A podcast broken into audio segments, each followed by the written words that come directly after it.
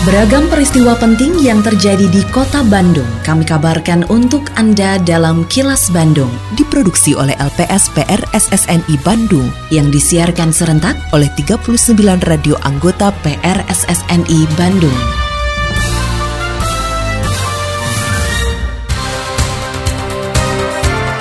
Sejumlah informasi aktual kami hadirkan untuk Anda dan inilah informasi utamanya. Antisipasi varian baru dan lonjakan kasus, Dinkes selektif pasien bergejala COVID. Ratusan sekolah di Bandung siap gelar PTM dengan kapasitas 100%. Pajak kendaraan bermotor menyumbang 40% PAD. Saya Ita Ratna, inilah kilas Bandung selengkapnya. Meski liburan Natal 2021 dan Tahun Baru 2022 atau Nataru telah usai, pemerintah Kota Bandung tetap khawatir terhadap lonjakan kasus COVID-19. Oleh karenanya, Dinas Kesehatan Kota Bandung melakukan seleksi ketat terhadap pasien dengan gejala mengarah ke COVID-19. Pelaksana tugas Wali Kota Bandung Yana Mulyana mengatakan berdasarkan pantauannya, libur Nataru tahun ini relatif tidak seramai tahun lalu. Meski begitu pihaknya berupaya mengantisipasi temuan varian baru dan terjadinya lonjakan kasus COVID-19 di Kota Bandung. Untuk itu, pemerintah Kota Bandung sudah menyiapkan sejumlah fasilitas kesehatan termasuk gencar melakukan vaksinasi COVID-19. Meski begitu, Yana berharap fasilitas kesehatan yang disiapkan tersebut tidak terpakai, apalagi saat ini kasus pasien positif aktif COVID-19 relatif minim. Kalau karena kemarin waktu saya pantau ya, malam Natal, malam Tahun Baru, relatif nggak terlalu rame ya seperti tahun lalu lah. Saya mudah-mudahan begini, ikhtiar kita vaksin juga mudah-mudahan itu ya mengurangi resiko. Saya sih kekhawatirannya nggak seperti waktu lebaran waktu yang itu ya. Enggak. Ya. Karena tadi mudah-mudahan vaksin tuh ada dampaknya ya. Kita makan tetap fasilitas kesehatan man kita siapin. Mudah-mudahan tapi intinya nggak dipakai lah. Kalau saya lihat sekarang trennya malah penambahan kasus no no no. Ya tapi kan kalau kita baca juga jujur mereka gejalanya nggak berat ya, ringan lah gitu ya. Mudah-mudahan juga karena faktor vaksin juga ya. Pemerintah Kota Bandung akan memperbolehkan sejumlah sekolah di Kota Bandung menggelar pembelajaran tatap muka atau PTM 100%. Hingga saat ini sudah 2.562 sekolah dari berbagai tingkatan yang menggelar PTM terbatas. Pelaksana tugas Wali Kota Bandung Yana Mulyana mengatakan sekolah diperbolehkan menggelar PTM 100% dengan syarat seluruh siswa sudah divaksin. Hal ini agar pelaksanaan tatap muka berjalan aman dan nyaman terhindar dari COVID-19.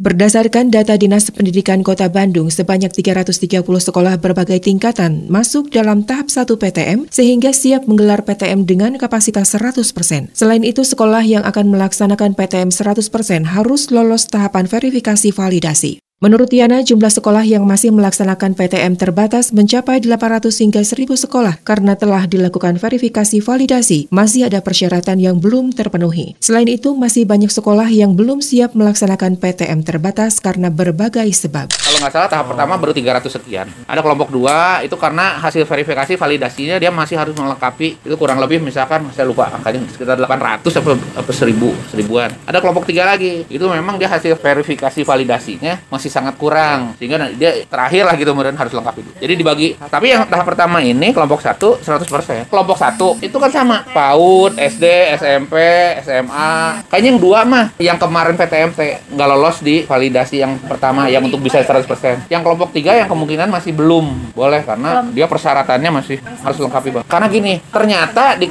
di kenapa tadi ada masuk kelompok tiga juga banyak sekolah juga yang nggak mau belum siap ya termasuk sekolahnya sama orang tuanya Gubernur Jawa Barat Ridwan Kamil menyerahkan sepenuhnya kebijakan pembelajaran tatap muka atau PTM 100% di sekolah kepada kepala daerah di kabupaten dan kota. Pasalnya keputusan PTM terbatas atau PTM 100% harus mengikuti perkembangan kasus di wilayah masing-masing. Meski kebijakan pelaksanaan PTM digelar 100% atau dalam masih pembatasan merupakan keputusan kepala daerah masing-masing, penerapan kebijakannya harus tetap dikoordinasikan dengan pemerintah Provinsi Jawa Barat. Ridwan Kamil mengatakan tidak semua kabupaten kota mengalami penurunan kasus COVID-19 yang signifikan sehingga pihaknya meminta daerah untuk tetap melakukan koordinasi terlebih dahulu dengan Pemprov Jabar. Tentulah diserahkan kepada lokalitas masing-masing karena COVID mengajarkan tidak bisa memutuskan satu kebijakan kepada semua wilayah COVID yang beda-beda. Jadi saya serahkan kepada Bupati Wali Kota secara umum sambil tetap harus konsultasi dulu kepada kita untuk mensinkronkan disinkronkan karena daerah-daerah itu banyak sekali yang sudah sangat nol COVID-nya sehingga PTM 100% itu sangat dimungkinkan. Jawa Barat sangat luas. Jadi sebenarnya jawaban saya mayoritas akan PTM kan begitu ya. Khusus daerah-daerah perkotaan yang dari datanya lonjakan kasus COVID masih ada mungkin kita batasi lebih ketat. Kepala Badan Pendapatan Daerah Provinsi Jawa Barat atau Bapenda Jabar, Dedi Taufik mengatakan kontribusi pajak kendaraan bermotor mencapai 40 persen terhadap pendapatan asli daerah atau PAD. Selain itu, pajak kendaraan bermotor juga merupakan sumber pendapatan yang cukup tinggi bagi APBD daerah dalam bentuk dana bagi hasil provinsi ke kabupaten kota. Dedi mengatakan perlu sejumlah langkah strategis atau inovasi yang harus dilakukan bersama dalam upaya pengumpulan pajak, terutama pajak kendaraan bermotor sebagai sumber pendapatan daerah yang merupakan komponen strategis dalam pembangunan Jawa Barat. Pajak kendaraan bermotor merupakan sumber penerimaan pajak dari lima pajak yang menjadi kewenangan provinsi yang berkontribusi 43 persen terhadap penerimaan pajak atau sekitar 40 persen berkontribusi terhadap pendapatan asli daerah. Pajak kendaraan bermotor juga merupakan sumber pendapatan APBD APBD kabupaten kota yang cukup tinggi dalam bentuk dana bagi hasil provinsi ke kabupaten kota besar 30% dari total penerimaan pajak kendaraan bermotor. Kini, audio podcast siaran Kilas Bandung dan berbagai informasi menarik lainnya bisa Anda akses di laman kilasbandungnews.com.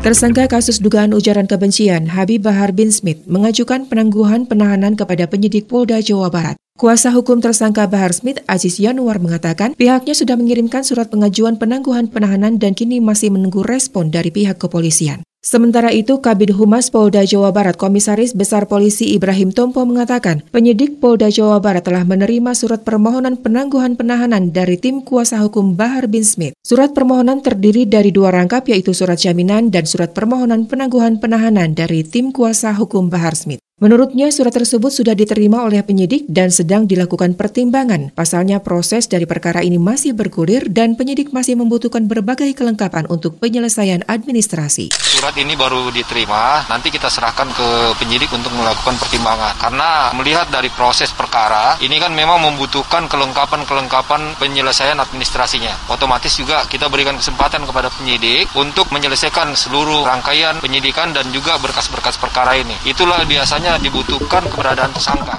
Jajaran kepolisian dari unit Reskrim Polsek Ciparai berhasil menangkap kawanan begal sadis yang kerap beroperasi di wilayah Kabupaten Bandung. Kapolsek Ciparai, Ajun Komisaris Polisi Asep Dedi mengatakan pelaku begal selalu membawa senjata tajam dan tidak segan melukai korbannya yang melakukan perlawanan. Adapun modus operandi yang dilakukan tersangka adalah dengan cara memepet korban kemudian mengancam dengan menggunakan celurit. Akibat perbuatannya, para tersangka yang kini meringkuk di balik jeruji sel akan dijerat pasal 365 Kitab Undang-Undang Hukum Pidana. Awal mulanya pada saat untuk yang begal, terutama yang 365, itu dilakukan oleh dua orang. Dan ada dua TKP pembegalan. Yang pertama di Parai, depan pasar.